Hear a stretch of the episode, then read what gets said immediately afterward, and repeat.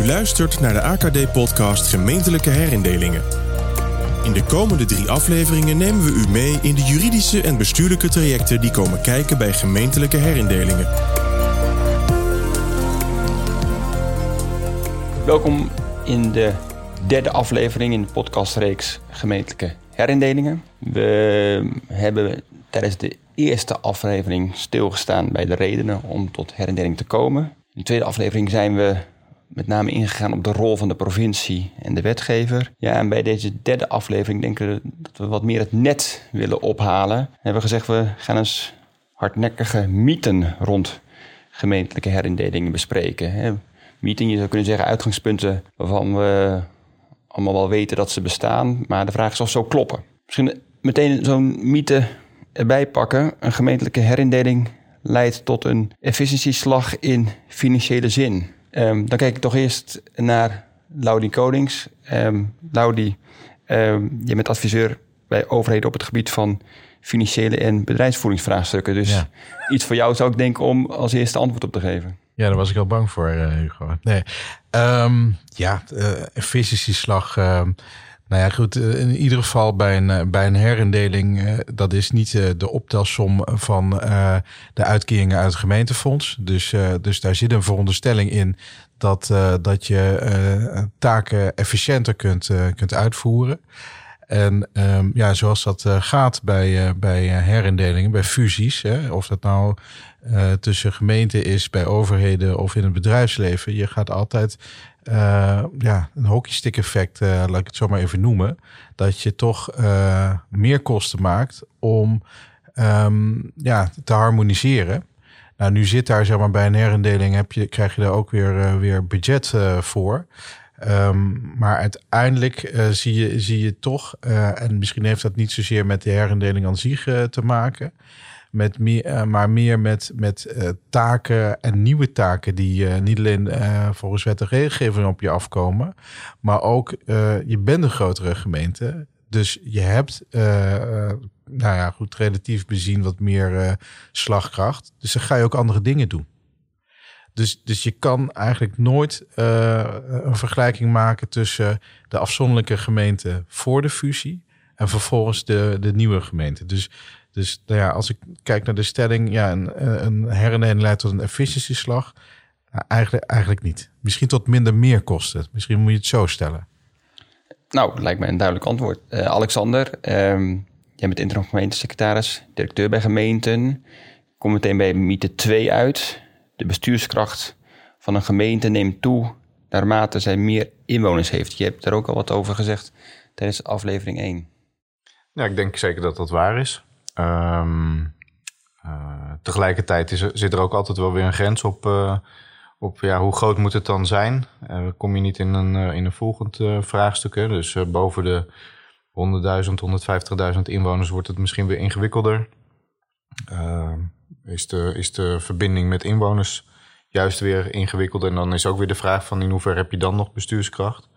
Um, maar ja, op zichzelf genomen klopt het wel. En tegelijkertijd uh, is dit niet een heel veel gehoord argument bij bestuurskracht. Dus dat is ook wel weer interessant. Hè? Waarom is, mag, mag dit dan niet als argument genoemd worden? Ik zou denken dat dat mag ook. Nou ja, je ziet heel vaak dat in, in, in, in de politiek-bestuurlijke discussie eigenlijk het hebben van meer inwoners ter vergroting van de bestuurskracht uh, dan heel vaak dan financieel wordt ingevuld, maar niet, niet inhoudelijk uh, ja. wat dat betreft. Ja. dus, uh... Nou, ik, heb, ik ben zelf, uh, en dat is al een hele tijd geleden, betrokken geweest bij het uh, ja, vaststellen of het, of het uitwerken van een aantal scenario's van herindelingsvarianten. En daar zat een variant bij waarmee het inwonertal hoger kwam te liggen dan de provinciehoofdstad. Ja, en dan, dan krijg je natuurlijk ook wel hele, hele, hele moeilijke uh, gesprekken met de provincie. Van ja, dit, dit gaan we gewoon niet, uh, niet doen. Um, terwijl, ja, waar, waar, waar ligt dan, waar zit dan, uh, waar ligt dan de grens? Is dat niet, niet die, dat inwonertal van de provinciehoofdstad overschrijden? Of, of, of, ja. Dat is wel een goede brug naar mythe 3, Laudi. Die luidt bij de totstandkoming van gemeentelijke herindelingen is de druk van het provinciebestuur leidend. Zou je misschien kunnen zeggen dat al worden soms herindelingen echt vanuit de gemeente zelf geïnitieerd, daar uiteindelijk toch een provinciale hand achter zit? Ja, ik denk, ja, leidend. Ik vind dat een, ik vind dat een, uh, ik twijfel een beetje, zeg maar, over dat, uh, over dat woord. Um, nou, wat ik in de vorige aflevering heb uh, um, gezegd rondom gebruik van data, toepassing van data, om te rationaliseren, argumenten te rationaliseren om, om met elkaar samen te gaan. Ik denk dat, dat dat misschien steeds meer leidend wordt dat, je, dat, dat, je, dat je dusdanige prognoses kunt maken en scenario's kunt schetsen. die met een, uh, bij wijze van spreken, een zekerheid van 80, 90 procent. Uh, gaan uitkomen over, uh, over tien jaar. En dat dat soort analyses meer leidend wordt. meer leidend worden dan, dan zeg maar, ja, de provinciebestuur als een stok achter de Maar zou je dan met die data naar de buurgemeente stappen en zeggen: hey, is het niet slim om samen te gaan? Nou ja, kijk, ik, ja, zou, zou kunnen, hè, maar ik denk dat er ook uh, een verantwoordelijkheid ligt bij een individuele gemeente om uh, dat soort data uh, die, die beschikbaar zijn, um, ja, om die ook te gebruiken voor je eigen afwegingen, voor je eigen afwegingskader, voor je eigen discussies intern. Um, ja, want wat het gaat ook over, over uh, ja, goed bestuur. Uh, nou ja, dat, dan, dan moet je zo breed mogelijk kijken. En je niet alleen laten leiden door, door emoties. Maar ja, volgens mij heeft Alexander dat een paar keer al gezegd. Hè, van, dat vereist wel dat je over een bepaalde schaduw heen moet stappen. Dat je ook bepaalde dingen durft te benoemen als uitkomsten uit die analyses erop wijzen van, nou ja, over een paar jaar krijgen we het gewoon financieel ontzettend moeilijk. Het is misschien ook een, een, een, een stok voor gemeentebestuurders om mee te slaan. Hè? We zeiden al even, het is vaak niet populair bij inwoners om over herindelingen uh, te spreken. Dan is het natuurlijk makkelijk om te zeggen, ja, we kunnen niet anders, het moet van de provincie. Dus laten we het zelf maar doen voordat we helemaal uh, de regie verliezen in, over onze toekomst. Andersom zou je natuurlijk ook kunnen zeggen, Laudi, ik begrijp wat je zegt. Zeg maar gemeenten die gewoon zeg maar, eh, het niet meer aankunnen. Die zouden naar die data moeten kijken, de prognoses onder ogen moeten zien en zeggen: we moeten iets doen, we moeten fuseren. Andersom kunt u ook zeggen: ja, daar waar provincies juist denken dat er een per se een fusie moet plaats hebben, kijk eens even hoe het daar zit met bestuurskrachtmetingen en of je via kernbeleid en dat soort dingen en ook, ook uh, gelet op een misschien toch gezonde uh, financiële positie, uh, die, die gemeenten prima zelfstandig kunnen blijven. Dat, bedoel, daar zie je natuurlijk ook vaak wel een soort van kokervisie. ja.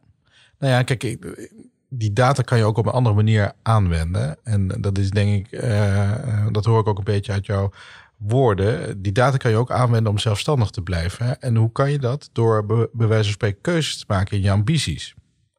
Dat is ook soms wel een lastige. Hè? Dat, dat zie je bij het, iedere bezuiniging. Maar als je keuzes maakt als, uh, als gemeente in bepaalde ambities. Dit doen wij gewoon niet meer. Of dit doen we minder. Want dan kunnen we zelfstandig uh, blijven. Want dan kunnen we het ook nog allemaal financieren. En uh, misschien wel uh, een en ander uitkleden. Zodat je je meer richt op je wettelijke taken. En de extra's niet meer. Nou ja, dat, dat kan ook een soort conclusie zijn die je, die je haalt uit, uit analyses. Maar de mythe is eigenlijk, hè, zoals we hem denk ik ook bedoelen, van in hoeverre is de provincie daar nu leidend in? En dat valt eigenlijk wel heel erg tegen, vind ik. Als je dat zo bekijkt. Hè? Want uh, als, je, als je als uh, individueel gemeentebestuur of gemeente over je eigen schaduw heen moet stappen, dat is toch wel misschien wel te veel gevraagd in sommige gevallen. Ja, en daar zou de, toch de provincie meer de leidende rol in kunnen spelen. Gebeurt soms ook. Soms duurt zo'n proces dan zo lang dat er dan weer een nieuw beleidskader is, waardoor eigenlijk het bestuur, het provinciebestuur, weer stopt met het nemen van die leiding. En dat is nu op een aantal plekken gebeurd. Ja, dat is nu op een aantal plekken heel duidelijk gebeurd sinds, uh, sinds het nieuwe beleidskader terwijl, is. Terwijl, terwijl hè, we hebben het er eerder ja. over gehad in de voorbereiding, terwijl strikt genomen zou je dat niet hoeven te lezen uit, de, uit het beleidskader. Is denk ik ook niet de bedoeling geweest van onze minister. Ik kan me eigenlijk niet zo goed voorstellen dat dat uh, het effect is wat ja, het is, zij beoogden. Maar... Het is misschien uh, een beetje een, een, een, een, een gevolg ook van een aantal juridische discussies... die natuurlijk wel de afgelopen jaren zijn gevoerd. In eerdere uh, afleveringen stonden we wel even stil bij um, de beoogde herindeling van Landgraaf en Heerlen... die uiteindelijk niet is doorgegaan. Ook uh, Haren, Den Boer en Groningen. Ehm, daar is een, een, een, lange juridische strijd over gevolgd. De gemeente Vijfherenlanden is onderwerp geweest van, van, van, veel discussie. Um, die, die, die, die, die aanpassingen in het beleidskader over de rol van de provincie moeten misschien ook een beetje in dat licht worden gezien. Om een soort wens van de minister om minder vaak uh, bij de rechter uit te komen met, met, met, met juridische discussies. Maar als je nou, hè, Robin, gaat close readen. Er wordt gezegd, um, zeg maar meer in de inleiding van... als je als provincie het initiatief neemt... dan moet er sprake zijn van een efficiënte... Uh, sorry, een, een, evident bestuurskrachtprobleem. Dus hè, dan niet een gewoon bestuurskrachtprobleem, maar het moet evident zijn. Nou ja, dat is natuurlijk meestal in die gevallen altijd, zou ik denken, als je provincie bent. En je moet wel even van tevoren, voordat je zo'n artikel 8 beslissing neemt om het open overleg te starten, moet je wel even een briefje naar de minister sturen van, vindt u dit ook een goed idee? En dan moet er even overleg komen, moet je misschien even naar Den Haag als eh, GS om te zeggen, joh, dit is uh, een beetje de bedoeling. Ja, dat is de verandering, eh, Alexander, dat je dat ook zegt. Dat zou toch voor provincies niet per se een totale hobbel moeten zijn om te zeggen: joh, eh, minister, zoek het uit. En die gemeenten, als zij zelf niet willen, dan gaan wij als provincie dat in elk geval niet doen. Nee, mogelijk zelfs het tegendeel. Hè? Als, als je naar de minister bent geweest als, als provinciebestuurder en je hebt van de minister uh, te horen gekregen: Ik vind het een prima idee dat jij hiermee aan de slag gaat. Dan heb je eigenlijk voor de rest van die procedure een heel krachtig uh, weerwoord tegen gemeenten die vinden dat je allemaal te overhaast bezig bent geweest. Want je kunt steeds zeggen, nou, ik heb het gevraagd aan de minister die erover gaat. Die vindt het een goed idee. Dus waar hebben we het nog over? We hebben het bij de eerste aflevering wel gehad over als je fuseert, wat dan de gevolgen kunnen zijn voor samenwerkingsverbanden die je hebt als gemeente.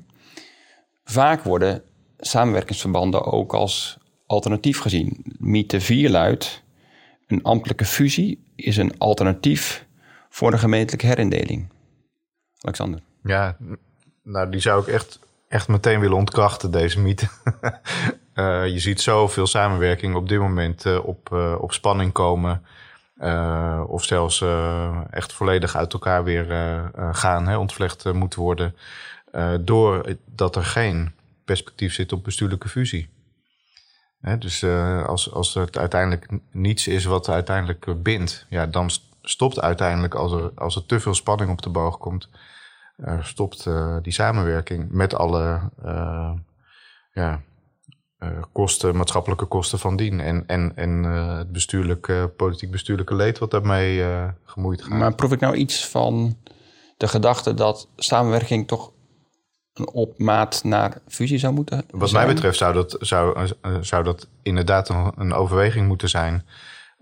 uit alle onderzoeken die tot nu toe daarover geschreven zijn, blijkt gewoon dat als er geen perspectief is op, op bestuurlijke fusie binnen afzienbare tijd, en dan heb ik het over eigenlijk één raadsperiode uh, van, van vier jaar, dan zijn die uh, samenwerkingen heel vaak gedoemd te mislukken. Terwijl het in, in essentie een hele goede organisatie is, alleen de bediening van meerdere gemeentebesturen, in welke vorm dan ook, is heel erg ingewikkeld. En dat krijg je met heel goed kwalitatief goed personeel, goed, goed bestuur eigenlijk niet goed uh, rond. Als niet de wil om, om er uiteindelijk één gemeente van te maken uh, daarachter zit. Laudi? Ja, ik, ik, uh, ik deel die mening volledig met wat Alexander net zegt. ik zie daar ook geen, geen hel in in een ambtelijke fusie. Ehm, het, het zou, hè, maar dat is misschien de theorie het zou wellicht kunnen werken als je heel strak in de afspraken uh, zit. Hè? Zowel aan de opdrachtgever als aan de opdrachtnemer uh, kant om die uh, verschillende gemeentebesturen te bedienen. Maar nou, de praktijk wijst gewoon, wijst gewoon anders uit. zo strak kan je vaak niet in de wedstrijd zitten. Zeker niet in een politiek bedrijf. Het komt maar weinig ook voor dat ambtelijke fusies naar volledige tevredenheid van, van alle betrokken gemeenten uh, op langere termijn functioneren. Ja, klopt. klopt. Ja. Nou ja, je ziet, ziet de voorloper van uh, de, een van de eerste samenwerksverbanden was de belcombinatie. Nou, dat, die staat enorm onder spanning. Uh, de SED-gemeenten staan onder spanning. Gaan we nu wel of niet bestuurlijk fuseren over gemeenten?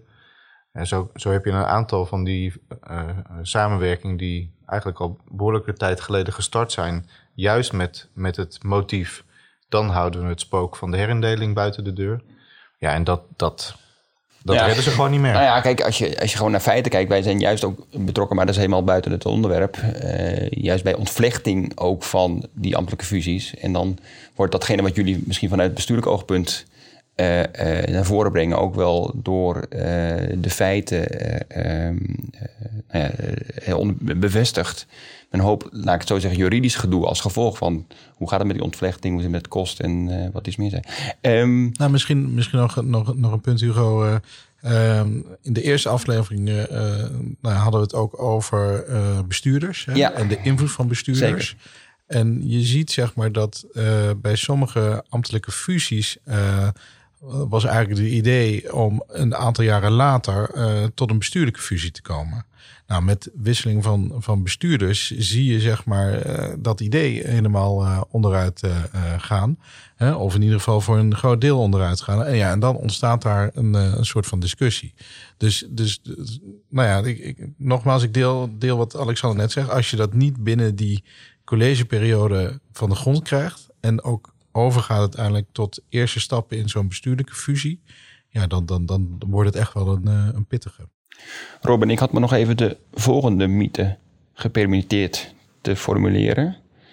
In een fusieproces tellen rechtsregels niet, maar bestuurlijke macht. Poeh. Ehm, ja, als je heel strikt eh, eh, de jurisprudentie volgt die we in aflevering 2 al even bespraken, dan klopt dat helemaal. Ehm, de strekking van dat Hoge Raad-arrest over de, de, fusie van Tegelen en Venlo is nu juist, de rechter gaat er niet over. Rechtsregels kunnen niet, eh, eh, eh, nou ja, daaraan kan niet worden getoetst extern. Voor zover rechtsregels al een rol spelen, is dat als onderdeel van eh, de politieke discussie eh, in de gemeenteraad, in provinciale staten of eh, in Den Haag. Ehm, en ik heb nog nooit een politieke discussie eh, gehoord waarin rechtsregels een beslissend argument zijn. Dat gaat toch vaak over, vinden we de herindeling onderaan de streep een goed idee? En als er dan even wat te snel dat overleg is gevoerd, dan is dat meestal niet een doorslaggevend eh, argument. Nou, kennen we niet van heel dichtbij een voorbeeld waarbij misschien de eh, advisering door de afdeling advisering van de Raad van State wel doorslaggevend is geweest om een wetsvoorstel niet verder te brengen? Exact. Dus ehm, als we het slechts hebben over de besluiten en de beslissingen die nodig zijn om tot een herindeling te komen, dan, dan, dan klopt eh, de stelling helemaal. Dan gaat het niet over rechtsregels, maar over eh, bestuurlijke argumenten. Maar als soort ja, sluitstuk, als soort veiligheidsklep, ehm, wordt dan in het wetgevingstraject eh, alsnog nou ja, zoals gebruikelijk het advies gevraagd aan van de afdeling advisering van de Raad van State. En die heeft zich eigenlijk de rol toegeëigend om als een soort rechter heel erg eh, secuur al die rechtsregels na te lopen. Ook expliciet te overwegen in de adviezen. Let op, hier zijn rechtsregels, maar er is geen rechter. Dus het is aan de politieke organen om die rechtsregels na te leven en daaraan te toetsen. En als onderdeel van onze advisering gaan wij bekijken, gaan we beoordelen of dat ook voldoende is gebeurd. En dan zie je dat helemaal aan het sluitstuk. Eh, als alle politieke organen hun zegje eigenlijk al, al, al hebben gedaan, met uitzondering van eh, de Staten-Generaal, dat dan pas de juridische toets eh, plaatsvindt. Ja. Daar zouden we misschien iets aan moeten kunnen veranderen. Dit is een mooi bruggetje dat je nu maakt naar het artikel dat wij in de gemeentestem hebben, hebben geschreven, waarin wij eh, voorstellen dat eh, herindelingsadviezen vatbaar moeten zijn voor toetsing door de bestuursrechter. Ehm, op een soort ja, terughoudende toets, vergelijkbaar met eh, de toets die aan bestemmingsplannen wel plaatsvindt, waarbij het dus niet de vraag is aan de rechter: is deze herindeling een goed idee? Maar is op goede gronden tot deze beslissing eh, gekomen. En eigenlijk, ehm, ja, het voelt niet. ik voel me niet helemaal geroepen om nou tegen de Hoge Raad in te gaan. Maar ik vind het argument dat ook die voorbereiding in gemeenteraden en, en provinciehuizen onderdeel is van een wetgevingsprocedure, die vind ik wat moeilijk te volgen. Kijk even naar Alexander en Laudi. Hè? Omdat wij toch in die processen heel vaak zien dat gewoon even niet goed wordt gelet op wat er nou in de wet ARI staat. En dat dat dus ook voor risico's leidt, hè, voor, risico's, eh, voor risico's zorgt in het verdere traject. Eh, zelfs dat een afdeling advisering heel kritisch op een uh, wetsontwerp reageert. Um, is daar nou in al die processen ook veel te weinig aandacht voor dat juridische verhaal? Ik bedoel, wordt er te veel over, nou ja, misschien emotie gesproken, bestuurskracht, maar wordt er niet ook juridisch een soort van, dit zo af en toe is uitgevoerd? Hoe kijken jullie daar tegenaan? Ja, ik, nou ja, goed, als, schot voor, voor de boeg. Uh, ik denk bij herindelingen zit, zit met name op, op, die, op die emotie, hè? Op, op, die, op die zachte kant. En uh, nou, niet zozeer, en dan, kijk ik even naar, naar mijn eigen terrein, ook niet op, op, die, op die wat hardere kant. En ook niet op de, op de juridische kant, zoals je dat zegt. Die, die zachte kant die is, die is daarin heel erg dominant. Maar er komt ergens in zo'n proces een kantelpunt. En dat kantelpunt dat kan, zeg maar, eh, de, sfeerverhogend, laat ik het zo maar even zeggen, uh, uh, zijn. of sfeerverlagend. En, en nou ja, goed, we kennen beide, beide zijden, uh, zeg maar. Dat je uiteindelijk als overheden die tegenover elkaar staan, uh, bij spreken bij een rechter. Maar het kan ook uh, versnellen. Als je op een gegeven moment de ratio zeg maar, er ook bij haalt. En ook de juridische spelregels. Dus, maar ik denk, ja, die, die emoties, als je voorbij dat punt bent, dan, dan gaat het ook wat, wat harder, zeg maar, in het proces. Maar... Nou, zoals ik er tegenaan kijk, is, is het teruggrijpen op de, op de rechtsregels toch, toch meer een vertragingstactiek uh, dan, dan dat het per se nodig is um, om, om, om uh, ja, recht te doen aan de, aan de wetgeving. Hè? Dus, dus ja, heb je het echt nodig? Dat is dan de vraag. Ja, en, en dat hangt er vanaf wie, wie natuurlijk het gevoel heeft dat hij niet go goed genoeg gehoord is denk ik. En dan is het op zich goed als er een, een, een, een route is. Tegelijkertijd is dit ook een democratisch proces. Dus waarom zou je dat willen laten, juridisch laten toetsen? Ja, en dat zit wel in de. Uh, Nou ja, kijk, ook dat zou je juridisch willen laten toetsen, omdat het nogal wat is dat je als inwoners niet meer over je eigen bestuur gaat. Want dat, ja, je, je, je, je krijgt een grotere bestuursgemeenschap waar je onderdeel van wordt. Dus juist met dat idee is natuurlijk wel dat open overleg bijvoorbeeld in de wet gekomen staat ook uh, in het uh, Europees handvest dat er een referendum moet plaatsvinden. Ook een beetje een stokpaardje voor mij nog. We hebben het al in aflevering 1 over referendum gehad. Maar je zou bijna kunnen afleiden uit dat handvest dat je zelfs verplicht bent om een referendum te organiseren. Maar Daar denkt de rechter overigens anders over. Ja, ik, ik ben eerlijk gezegd geen voorstander van een referendum. Hè, als het besluit dan uh, eigenlijk wel vast ligt. En, en, al die argumenten die we ook in de vorige afleveringen genoemd hebben... Hè, redenen om tot herindeling over te gaan. Een inwoner die, ja, die maakt zo'n afweging eigenlijk niet. De vraag is wel, als je zo'n toetsing zou laten doen bij de rechter... wie mag die dan starten? Ik vind dat nog wel een interessante vraag. Hè? Uh, laat je een inwoner dan zonder mandaat, hè, democratisch gelegitimeerd mandaat, uh, zo'n vraag stellen. En het lukt misschien ook nog hè, met uh, misschien een goed advocatenkantoor uh, daarbij. Een goede advocaat. Ja, er zijn, er zijn gigantische proefschriften over het belanghebbende begrip geschreven. Dus misschien dat daar een hoofdstuk dan bij zou komen. Ja. Misschien nog goed om, om, om op te merken dat je het ook wel heel erg bond gemaakt moet hebben uh, als voorbereider van een herindeling nou ja, om zo'n rechtsregel te dat overtreden. dat wou ik zeggen. Dus, dus dit, dit is echt een soort noodrem scenario, hè, zou ik het willen noemen. En ja, dan zou ik zeggen van laat niet dan een inwoner aan die noodrem hoeven te trekken, maar dan zou toch in ieder geval een van de gemeentebesturen of, of het dan het provinciebestuur zelf uh, goed naar zichzelf moeten kijken. Even kijken naar de vraag. Hè. We zijn komen aan het einde van deze serie van uh, uh, onze beschouwingen zeg maar, over gemeentelijke herindelingen. Kunnen we nou in de toekomst heel veel meer herindelingen verwachten. De laatste mythe is ook als gevolg van de decentralisaties zijn verdere herindelingen ook onvermijdelijk. Laudi? Nou, ik weet niet of ik dat zo hardop durf, eh, durf te stellen. Ik denk dat, nou ja, niet alleen decentralisaties. Er zit straks ook een omgevingswet hè, die al een aantal keren is uitgesteld. Dat heeft ook een behoorlijke impact. Wie weet wat daarna nog komt. Uh, misschien op het gebied van belastingrechten uh, richting lokale overheden. Um, nou, het feit is zeg maar, dat, dat, dat er komt steeds meer af op zo'n op zo'n lokale overheid, op zo'n gemeente. En, en ja, hoe hou je het hoofd boven water? En er zijn verschillende mogelijkheden voor niet alleen herindelen, maar ook, ook denk ik samenwerken. Um, nou, daarnaast zie ik ook wel dat, dat demografische ontwikkelingen, dat die misschien meer invloed hebben op uh, herindelingen uh, dan zeg maar um, nou, impliciet uh, zeg maar taakuitbreidingen. Dus, de, dus ja, kijk, ik denk, ik, kan, ja, het ligt eraan zeg maar, hoe, hoe, hoe een, regio eruit ziet qua, qua, qua ontwikkeling en qua structuurkenmerken, et cetera, et cetera. We zitten nog wel, um, Alexander, kijk jou ook even aan, nog onder de het gemiddelde inwonertal van een gemeente dat we in aflevering 1 uh, een beetje gezamenlijk als, als, als, als ideaal hebben vastgesteld.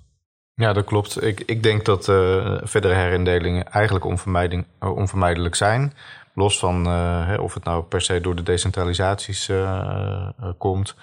Um, ons hele financiële verhoudingensysteem is nog gebaseerd op een indeling van midden jaren 70. regio's die toen ja, eigenlijk gevormd zijn. Ja, daar is ons hele, hele uitkeringensysteem vanuit het Rijk op gebaseerd. Nou, als je dat nu, nu zou herijken, heroverwegen, zou je al tot een hele andere inste insteek komen. Als je daar ook nog data van vervoers en, en, en, en, en uh, uh, andere economische bewegingen op zou loslaten, dan zou je echt tot andere indelingen komen. Die waarschijnlijk ook veel logischer zijn voor heel veel mensen. Um, ja, daar, daar moeten we misschien nog wel uh, een jaar of 10, 15 op wachten hoor. Maar dat, nou, dan, dan, dan, dan, stellen we in ieder geval vast dat, dat deze podcast actueel blijft. Dat zeker, dat zeker. Maar ik denk, denk ook dat dus die, die, die, dat gemiddelde van ruim 40.000 inwoners op dit moment... dat dat uh, in de komende jaren echt wel gaat stijgen. Gewoon uh, dat er zoveel factoren zijn... waardoor een gemeente eigenlijk met goed fatsoen... niet meer het hoofd boven water kan houden. En, en, en, dienstverlening kan, eh, kan verlenen aan inwoners. Heren, laten we daarmee besluiten. Alexander Meijer, eh, ook namens Robin, bedankt voor je medewerking aan deze drie afleveringen. Heel gedaan. Laudie Konings, heel hartelijk bedankt voor je, je inbreng. Ja, graag gedaan. En eh, het was ons een genoegen. En hopelijk hebben de luisteraars hier wat aan gehad. Uh, we sluiten af.